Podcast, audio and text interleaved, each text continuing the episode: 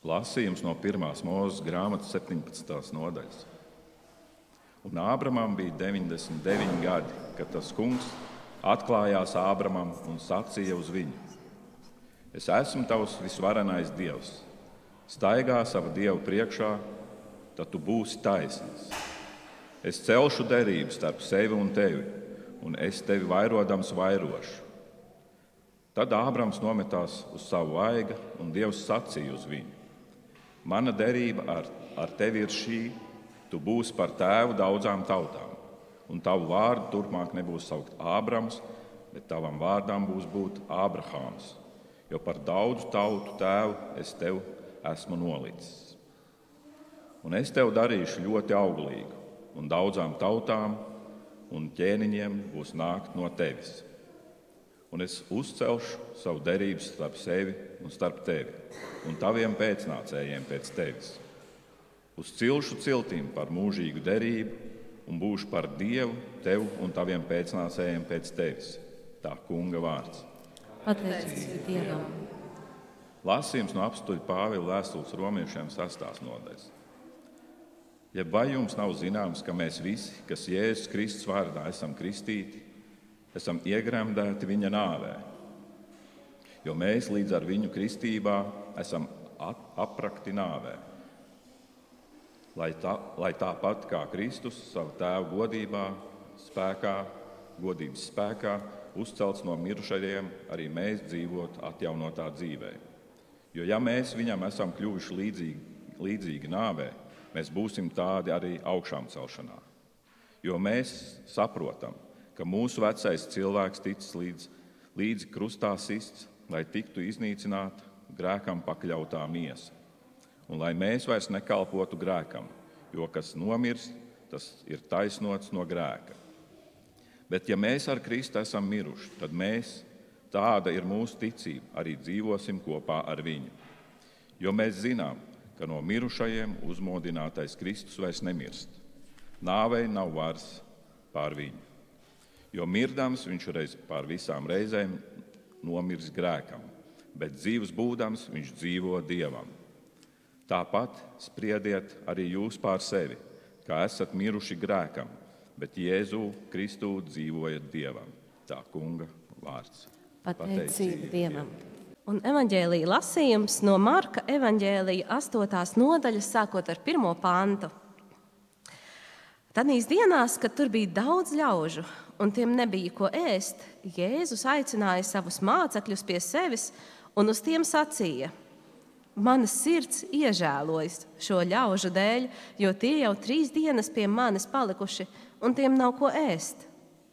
Un kad es tos nēdušus atlaidīšu uz mājām, tie ceļā nonīks badā, un daži no tiem ir nākuši no tālienes. Un viņa mācekļi viņam atbildēja, kas šos ar maizi var paēdināt šeit tuksnesī. Un viņš tiem jautāja, cik jums ir maizes? Tie sacīja septiņas. Un viņš ļaudīm pavēl pie zemes apmesties. Un viņš ņēma tās septiņas maizes un pateicās, pārlauza tās un deva saviem mācekļiem, lai tās liek priekšā un tie lika tās ļaudīm priekšā. Tiem bija arī mazums zivtiņu, un pateicības acīs viņš pavēlēja arī tās likt priekšā.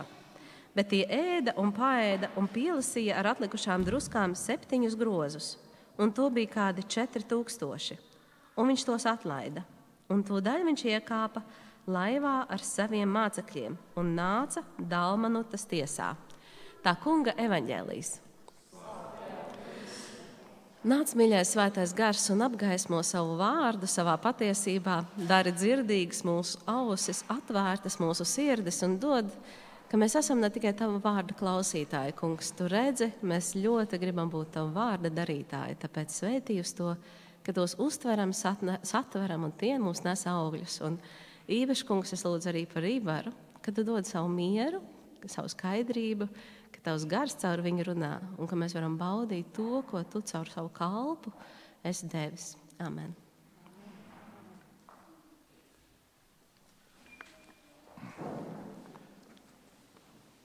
Esiet sveicināti Kristus mīļotie un viņa aicinātie. Šodien, 6. svētdienā pēc asaru svētkiem, pārdomāsim, uzklausiet tos rakstus. No 1. mūža 17. mēs dzirdējām par Dieva apsolījumiem Ābrahamam. Tas kungs apsolīja viņu svētīt par tēvu daudzām tautām un apsolīt būt par Dievu viņa daudzajiem pēcnācējiem. Un lasot rakstos, mēs atrodam, ka no šī Dieva svētītās tautas pēc miesas ceļas Kristus Jēzus, kurā svētība pastāv mūžīgi. Marka evanģēlijā mums atklāja, ka ļaudis šo Kristus svētību sajūstam, ir sapulcējušies, aizmirstam gan par ēdienu, gan par atpūtu. Viņi ir uzzinājuši par kurmēlnā dziedināšanu, un tas viņos vieš lielas cerības, ka Jēzus varēs palīdzēt arī viņiem. Un galvenā sakritība ir tā, ka netālu no šīs pašas vietas, Geraziešu zemē, desmit pilsētu apgabalā, kur pie viņa ir sapulcējušies 4000 cilvēki, Jēzus kādu laiku atpakaļ ir dziedinājis ļaunu garu apsēsto un izdzins no viņa veselu leģionu ļaunu garu. Jēzus atļautiem neiet, ieiet cūkās, un, un tās apmēram 2000 iegāzās no krasta jūrā un noslīga. Un cilvēki, nobijušies par zīmēm, ko viņš dara, lūdza Jēzu no viņa robežā, no robežām aiziet. Jēzus nevēlēja šim izdziedinātājam palikt pie viņa, bet sūtīja viņu uz mājām, liecināt mājiniekiem, kas ar viņu noticis. Tas, pat, tas patiesībā tāds nebija gadījums evaņģēlijā, jo kungs parasti neļāva nevienam par dziedināšanu neko stāstīt. Bet viņam rūp, lai arī apkārtējās tautas ap Izraēlu saņemtu viņa dziedināšanu, pamācību un stiprinājumu. Un izdziedinātājs gāja un sludināja to visās desmit pilsētās. Un pilnīgi iespējams, ka tas ir nesis augļus, un pie jēzus tādā tukšā vietā sapulcējās tik daudz ļaužu. Uz to, ka pie viņa ir sapulcējušies citautieši, nevis izrēlieši, norāda arī vārds, kādā Marka šajā gadījumā apzīmē grozus furis. Bet citā epizodē, kad tika paēdināti 5000 marka evaņģēlijas 6. nodaļā, tiek runāts par 12 groziem kofinus. Grozs kofinus tas ir tāds grozs, kurā jūdi nēsāja savu pārtiku ar šauru kaklu, kas uz leju pa, pa, paplašinās. Tas drīzāk līdzinājās leikannai. Bet sfūris ir vācēls, tipa grozs. Tāda tipa tipa grozā apstuli Pāvilu nolaid lejā no Damaskas sienas, apstuļu darbos, ko mēs varam lasīt. Tādus grozus lietoja pagāni. Šajā fragmentā aprakstītais notikums risinājās Dekapolē, kas nozīmē desmit pilsētu savienību Jēzus laikā un atrodas Galilejas jūras pretējā austrumu krastā, kur, kur apdzīvoja galvenokārt pagānu tauts, un mūsdienās atrodas Jordānija. Iespējams, ka 5000 paēdināšanu Marka 6. nodaļā vajag saskatīt debesu barības dāvināšanu jūdiem, bet 4000 paēdināšanā debesu barību dāvināšanu citautiešiem. No šīm divām epizodēm mēs varam secināt, ka Jēzus atnāca uz zemi tāpēc, lai paēdinātu kā jūdus, tā arī pārējās tautas. Ka patiesībā viņā bija Dievs, kas atver savus apkampiens visiem un piepilda visu vēlēšanās. Un šajā gadījumā, redzot, ka cilvēkiem ir beigusies pārtika, Jēzus saviem mācekļiem sniedza žēlstības paraugu citautiešiem. Jo jūdi, lai neapgrēcinātos, nedrīkstēja ieiet pagānu mājā, par kopīgu ēdienreizi nemaz nerunājot. Bet Jēzus par viņiem iežēlojās un nolēma viņus paēdināt, lai viņi, lai viņi māju ceļā nenonīkst, jo daži bija nākuši arī no tālienes. Ar to viņš apzināti pārkāpa farizēju un rakstu mācītāju izstrādāto kārtību, tā parādīdams, ka dieva žēlastība un mīlestība stāv pār, tam pāri. Dievs savu mīlestību piepilda Jēzu Kristu, un viņam ir svarīga katra dvēsele, jo svētais gars no tēva Jēzus vārdā vēl par zemi nav nācis, lai viņš varētu dienasčajā māju ceļā katru pasargāt un stiprināt. Vecajā derībā varam lasīt, ka svētā gara dāvana tika dota konkrētiem cilvēkiem ar konkrētu uzdevumu. Un tā ir viena no galvenajām atšķirībām no jaunās derības, kurā svētā gara dāvana pēc kristības ir pieejama katram. Un Dieva bērniem pieder debesu valstība. Mēs lasot rakstos un lūdzot Jēzus vārdā, saņemam gaišas domas un īstos vārdus mutē. Tā arī ļaudis ap jēzu pulcējušies un smeļ no viņa gara un dvēseles un aizmirst par miesas vajadzībām. Tomēr Jēzus neaizmirst neko. Stiprinājis garu un dziedinājis daudziem arī miesas vainas, viņš par ļaudīm apžēlojas. Viņš viņus paēdina un atlaiž mājās, stiprināts gan garīgi, gan arī miesīgi. Tā parādot, ka viņš tiem spēj dot visu dzīvībai nepieciešamo. Tāds ir Dievs Jēzu Kristu. Jā, bet eh, šoreiz man īpaši uzrunāja Pāvila teiktā vēstule romiešiem. Jo mēs saprotam, ka mūsu vecais cilvēks ticis līdz krustāsis, lai tiktu iznīcināta grēka pieļautā miesa, un lai mēs vairs nekalpotu grēkam. Ja tā nopietni uztveram Kristus upuri, tad kristībā mēs atdodam savu miesas grēku nāvei, lai līdz ar Kristu Jēzu varam tikt augšām celts dzīvībā. Jo kristībā, ja tas notiek tādā apzināta vecumā, mēs, mēs atsakām grēkam un visiem tā darbiem, grēcīgajām kārtībām, kas mūs šķir no Dieva, sātanam un visiem svētkiem, kas pret Dievu saceļas. No šīs dienas sāks mūsu gan apzināta, gan neapzināta garīgā cīņa, kura bieži vien norit ar tādiem mainīgām sekmēm, ar ko arī Pāvils liecina. Jo labo, ko gribu, es nedaru, bet ļauno, ko negribu, to es daru. Bet, ja es to daru, ko negribu, tad darīju, darītājs neesmu vairs es, bet manī mītošais grēks.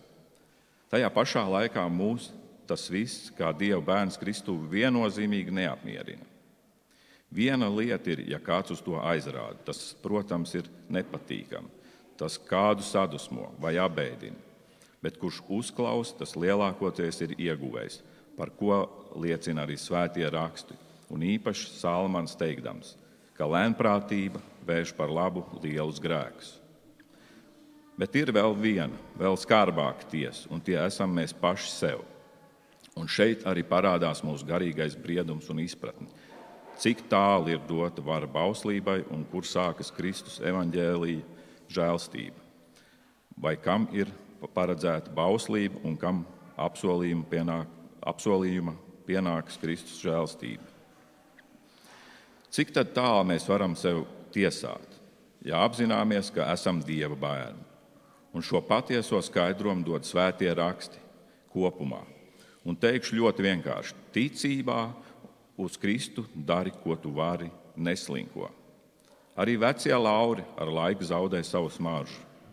Bet ko nevari, bet patiesi esi gribējis, to kungs tev palīdzēs un mīlestībā pieliks savu pilno daļu. Ja redzi, ja ko labu vari darīt, tad dari. Un jāsaprot, ka nevienmēr to, ko tu darīji vakar, vari izdarīt, vai arī vajag darīt arī šodien. Katrai dienai ir savi jauni darbi, savi izaicinājumi un savu žēlstību. Viss no mūsu brieduma un cik tālu esam ticības ceļā, un kas darīts un iznests, nes prieku, prieku pašam un dievam prieks par tevi, un caur to Dievs tev dod mieru. Un tas ir Dieva miers, kas ir augstāks par visu, visu saprāšanu, kas pasargā jūsu sirdis un domas Kristu Jēzu. Šie svētības vārdi, kas pēc uzrunas, un kad esat apliecinājuši savu ticību triesvienīgam Dievam, jūs, jūs, jūs svētī Jēzu Kristu. Savukārt, ja mūs dīd kāds nemieris, acīm redzam, neesam sapratuši vai pārpratuši to, kādā veidā kungs vēlas, lai viņam sekojam.